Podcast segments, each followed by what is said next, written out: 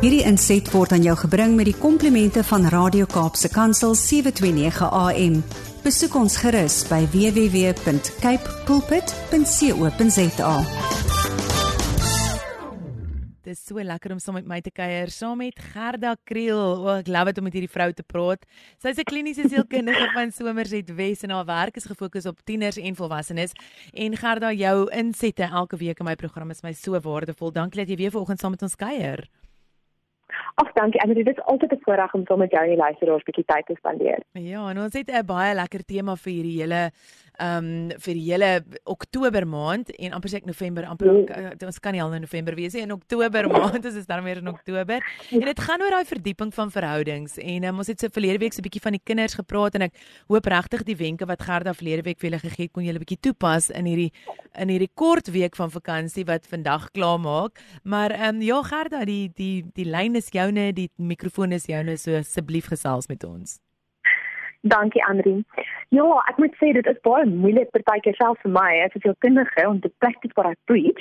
Jy weet as mens die Engelse um, gesegde kan gebruik, want ons tyd is al so onder aanval voel. Ek weet Andri, ek het net vinnig gepraat oor hoe tyd rarig voor voel wat onder ons weghardloop en dit voel amper of dit al November is, maar dit is nog aan die begin van Oktober.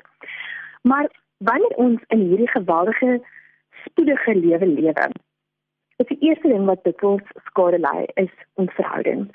En ons het ook redelik gepraat oor ons verhouding met ons kinders en hoe ons dit kan verdiep. En vandag wil ek 'n bietjie praat oor hoe kan jy jou verhouding verdiep met jou lewensmaat of jou romantiese maat vir die wat nog ongetroud is.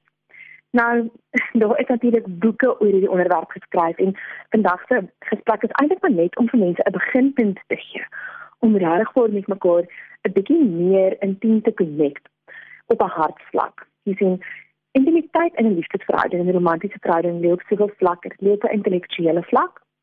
Met ander woorde, dit wat ons van mekaar weet en dit wat ons onsself toelaat om met ons maat te deel, eerstens, dan lê dit op 'n emosionele vlak dat jy kan regtig broos met jou emosies voor jou maat gaan sit en jou maat respekteer jou emosies en eer jou emosies en dan natuurlik lê dit op 'n fisieke vlak en op 'n geestelike vlak. Die fisieke vlak is ons almal meer bekend, dit is die een wat ek wil sê meeste uitgebeeld word in al wat daai movie altyd is. En die geestelike intimiteit is vir jou en maat regtig vir ook die moeite en tyd doen om saam voor God stil te raak. En te kan sê ons wil as 'n egpaar, ons wil as 'n as 'n as 'n maatskap vir ons verhouding aan die Here eer. Nou op 'n bietjie van 'n dieper verhouding met mekaar te bou in hierdie vlak, moet ek sê, verg tyd. en as ek nou so luister na almal wat hier op voor my kom sit in my kantoor en as ek my eie lewe reflekteer, dan voel dit of ons almal kort op tyd is. Nou 'n wonderlike boek wat ek 'n paar jaar gelede gelees het oor die huwelik en oor verhoudings, het dit so goed vasgevang deur te sê dat daar is 'n absolute assault on the married relationship. Met ander woorde, dis amper asof 'n aanval is wat gedoen word op huwelike. And the number one combat strategy is to take away time from one another. Nou wil ek julle reg uitdaag om bietjie te gaan dink. Wanneer laat het jy en jou maat net tyd met mekaar sonder enige afleiding spandeer? Ek hoor baie keer as ehm um, agter voor my kom sit dan hulle sê maar ons kyk elke aand saam 'n storie of ons doen dit met die kinders of ons doen dit. Maar wanneer laat het jy en jou maat mekaar net oë gekyk? En regtig net bietjie met mekaar gepraat en geluister. Sonder om ietsie terug te sê sonder om twistende konflikpunte te probeer te soek sou altyd goed wees vir ons met ons maats kan beklei. Ek het oortuig daarvan dat omdat ons verskillend is gaan ons dinge altyd uit 'n verskillende oogpunt uitsien. En dit is 'n doelbewuste intentionele keuse om soms eerder die stryd bou met meer te lente sê kan nie konflik met my maat hier oor gaan nie. Dit is 'n benulligheid want die groot prentjie is waaraan wil ek my tyd spandeer? Nou 'n vraag wat ek wil hê ons luisteraars moet hulle self en hulle lewensmaat vra is die volgende. Nie wat doen ons van verkeerd nie, nie wat moet ons anders begin doen nie. Hierdie vraag lyk so.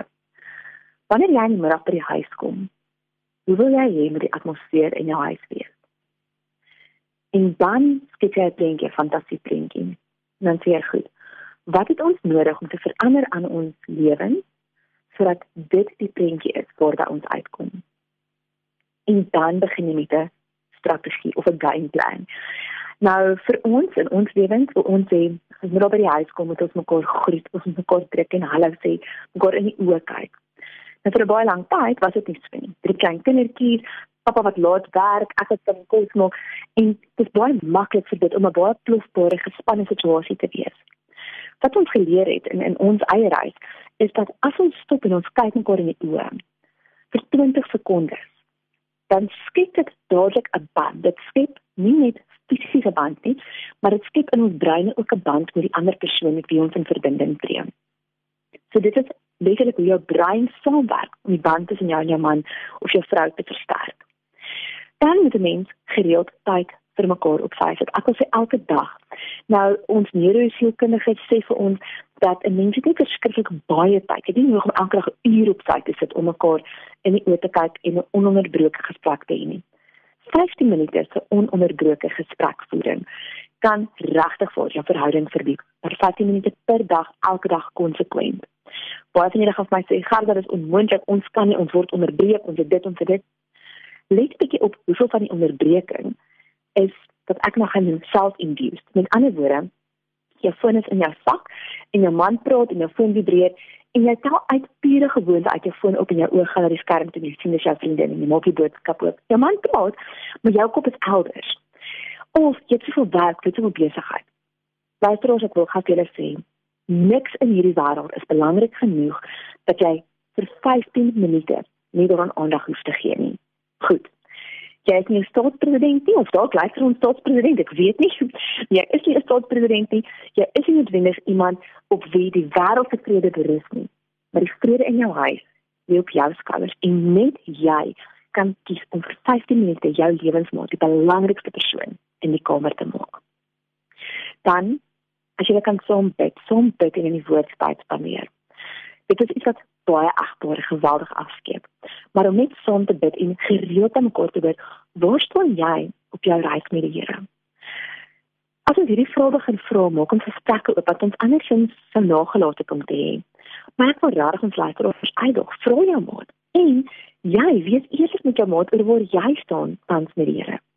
Sien, ons kan nie van ons maat weerloosheid verwag, maar nie bereid is om dit self ook te gee nie maak jouself 'n bietjie weerloos vir jou maat. Wees eerlik met dit met jou gaan. En dan maak tyd gereeld vir fisieke intimiteit. God het dit ingestel, um nie net as 'n vreugdevolle ding nie, dit is uiters vreugdevol, maar ook as 'n manier om 'n man en 'n vrou saam aan mekaar te voeg in dag. En ons weet uit navorsing uit sekulêre navorsing dat wanneer 'n mens gereeld met jou maat fisies intiem is, dan gebeur daar regtig in die liggaam en in die brein 'n wonderlike ding. Neurotransmitters word afgeskei, af word afgeskei en 'n bindingsgevoel ontstaan tussen maat. So, God het ons so gemaak. Hy het ons gemaak om vreugde te vind daarin. Hy het ons gemaak om mekaar te kan geniet en hy het reeds vir ons alles gegee wat ons nodig het om 'n wonderlike, floreerende, diep verhouding met ons lewensmaat te kan hê. Luister ons op hulle uitnooi. Gryp die oomblik aan ons weet nooit wanneer ons laaste dag met ons lewensmaat aanbreek nie. En ek is seker, soos ek sal jy elkeen wil kan sê, dit die meeste gemaak van ons tyd saam.